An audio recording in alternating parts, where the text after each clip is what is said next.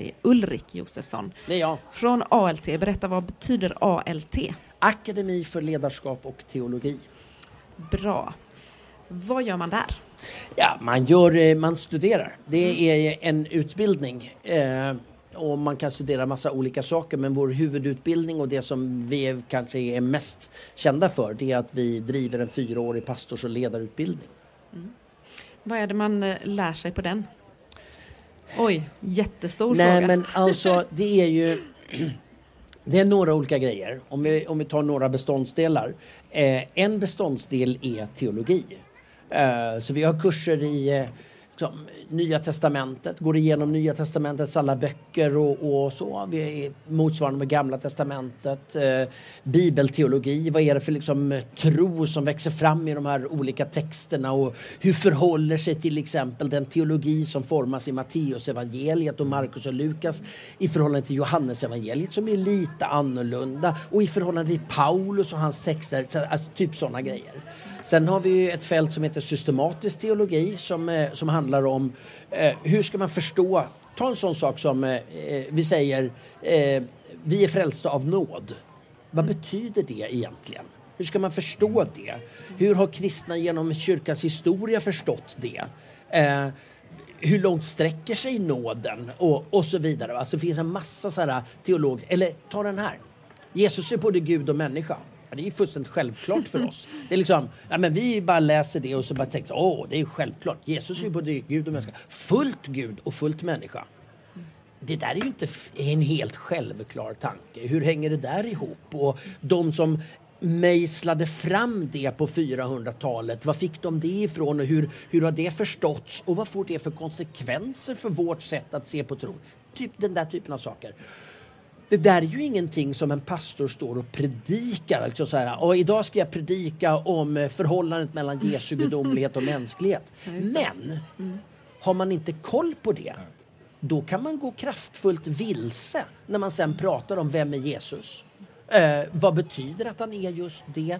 Hur, när han dör för våra synder, spelar det någon roll vem, vem det var som dog? Ja, men det var ju Jesus som dog. Ja, men var det Gud eller var det människa? Eller var, alltså, förstår du? Det finns massa djup där som man som pastor och förkunnare behöver ha koll på för att, så att säga, det kan vara nyanser i språket som, som gör, alltså typ sådana grejer. Sen har vi ett annat fält som, som är lite mer praktiskt eh, teologiskt, alltså eh, när, eh, när vi formar kyrkan. Spelar det någon roll hur styrelseskicket ser ut? Eh, till exempel. Svenska kyrkan är en episkopal kyrka som har en biskopsstruktur. Frikyrkan är en kongregationalistisk kyrka, heter det, alltså bygger på den lokala församlingen.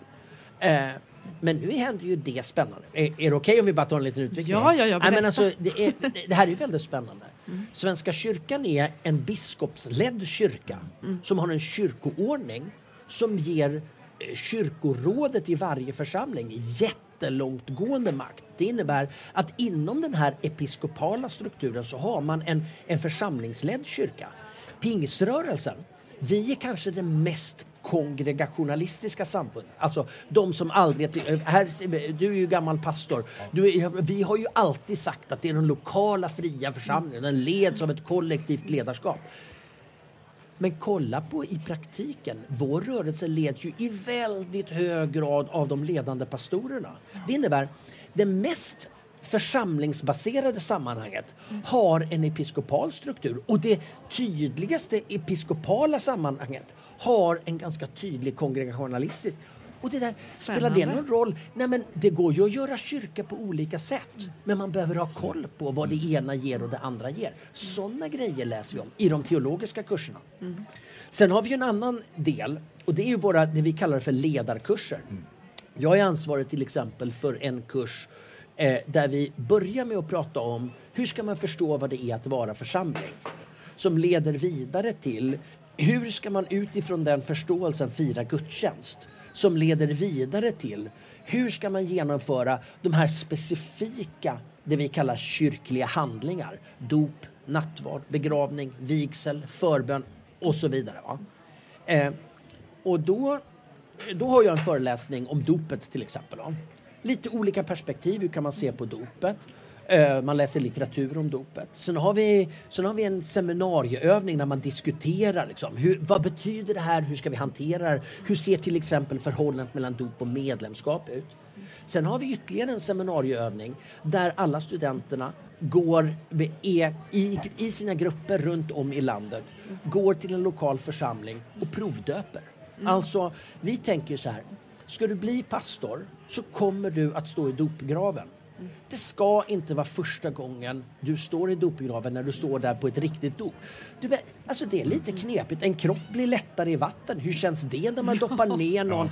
Hur nära kanten kan man stå? Massa här praktiska Praktiskt, grejer. Som man, alltså, det där ska man inte behöva stå och vara orolig för när man står där i dopgraven. Utan det ska man ha fått träna på. På samma sätt som en kirurg har skurit i olika typer av vävnader innan man sätter kniven i en människa. Är du med? Ja, absolut. Typ så. Absolut. Sen har vi en tredje dimension. Ja. Och det är, ska du vara ledare så behöver du en bra koll på dig själv. Alltså du måste, ju, du måste ha tittat inåt innan du kan titta utåt. Ledare som inte har bearbetat vem de själva är och varför de vill ha den här rollen och vad det gör med dem kan riskera att bli rätt farliga ledare. Så därför är en ganska viktig del av vår ledarträning att reflektera över vad tänker du? Varför tänker du så här? Vad gör det med dig? Och vad är det som har format dig att tänka de här sakerna? Typ så. Låter så otroligt intressant. Jag Du är känner välkommen. Att här skulle vi verkligen kunna prata länge. Får Men jag jag... fråga, får jag fråga en annan Ja. sak också? Fråga du. Ja, jag tänker, är, har alla en kallelse när de söker? Ja, förmodligen, de är ganska unga som söker den här kursen, eller hur? Ja, ja de är, huvuddelen är ju liksom, eh, jag skulle säga huvuddelen är 24 till 26 när de söker till, till utbildningen. Ja.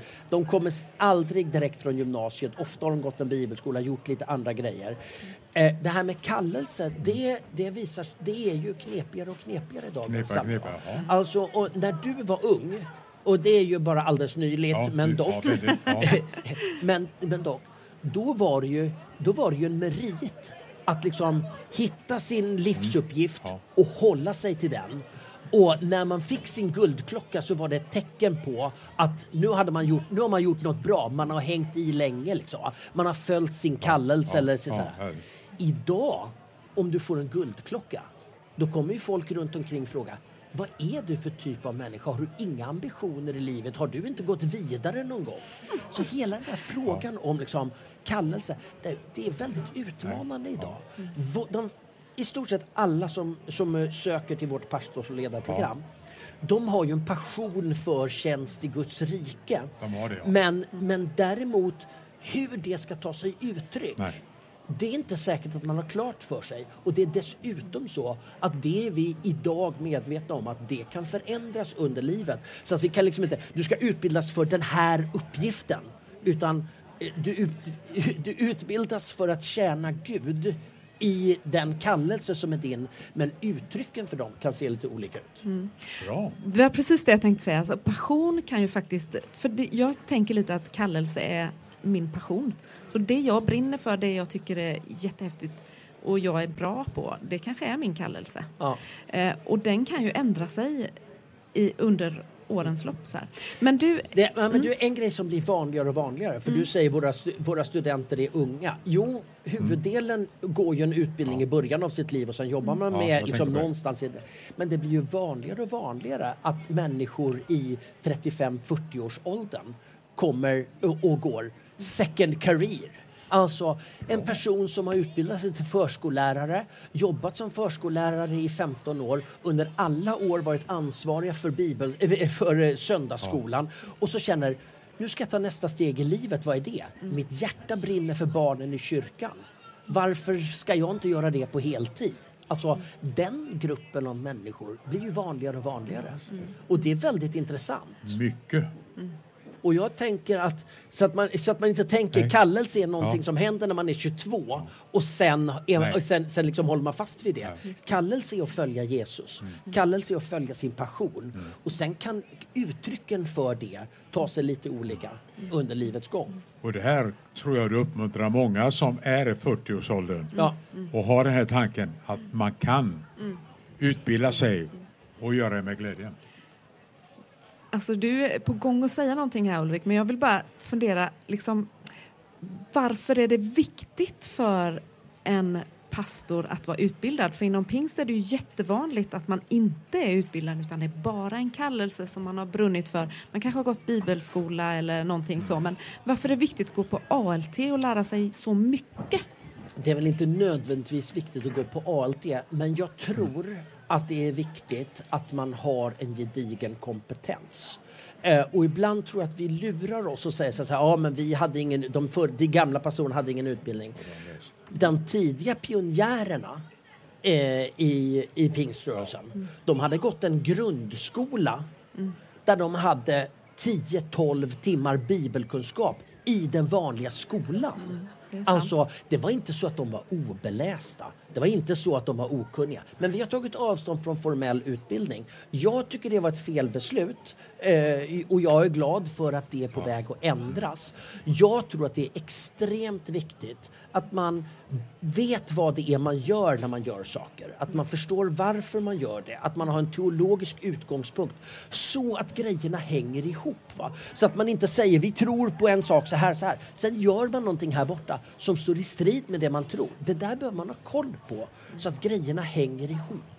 Och då tror jag att man behöver ha, man behöver ha läst några böcker, man behöver ha tänkt de här tankarna, man behöver ha prövat det och man behöver ha spänt det mot en del andra människor.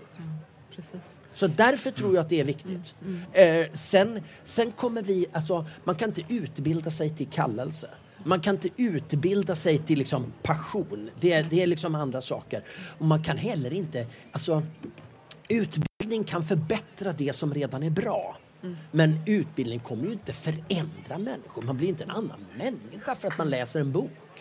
Nej, men man kanske kan lära kan sig någonting man Kan, man kan liksom ja. få nya perspektiv, Visst. man kan bli mm. vidgade. Och jag tänker ju så här, ju mer du kan, desto mer rotad blir ja. du, desto tryggare blir du. Och trygga ledare, de, de är inte så oroliga heller. Alltså, jag kan tänka att, alltså, ja. Mm.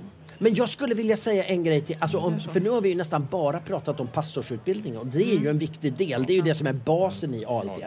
Det, vi har ju dels vanliga teologiska kurser för den som är teologiskt intresserad på deltid eller, eller så. Så det kan man ju kolla på vår hemsida. Men det jag vill säga om nu, det är vi har, vi har en kurs som vi kallar för DIOS som, är, som handlar om diakonal social tjänst.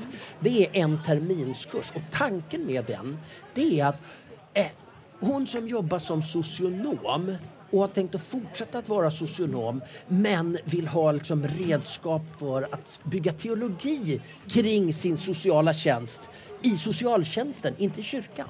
Ja. Eh, det är en kurs för henne. Och på ett motsvarande sätt har vi en terminskurs som eh, den heter Promis, men den handlar om liksom, eh, interkulturell kompetens. Den är i grunden en missionärsutbildning, men den, den är ju också en utbildning för alla oss som finns i de mångkulturella miljöerna och som, de blir ju allt vanligare i Sverige. En utbildning för att bättre förstå hur tar tron sig uttryck i mötet med många kulturer. Så det där är ju, vi har andra kurser än bara de, den här klassiska pastorsutbildningen. Mm. Och hitta den här informationen gör man på alt.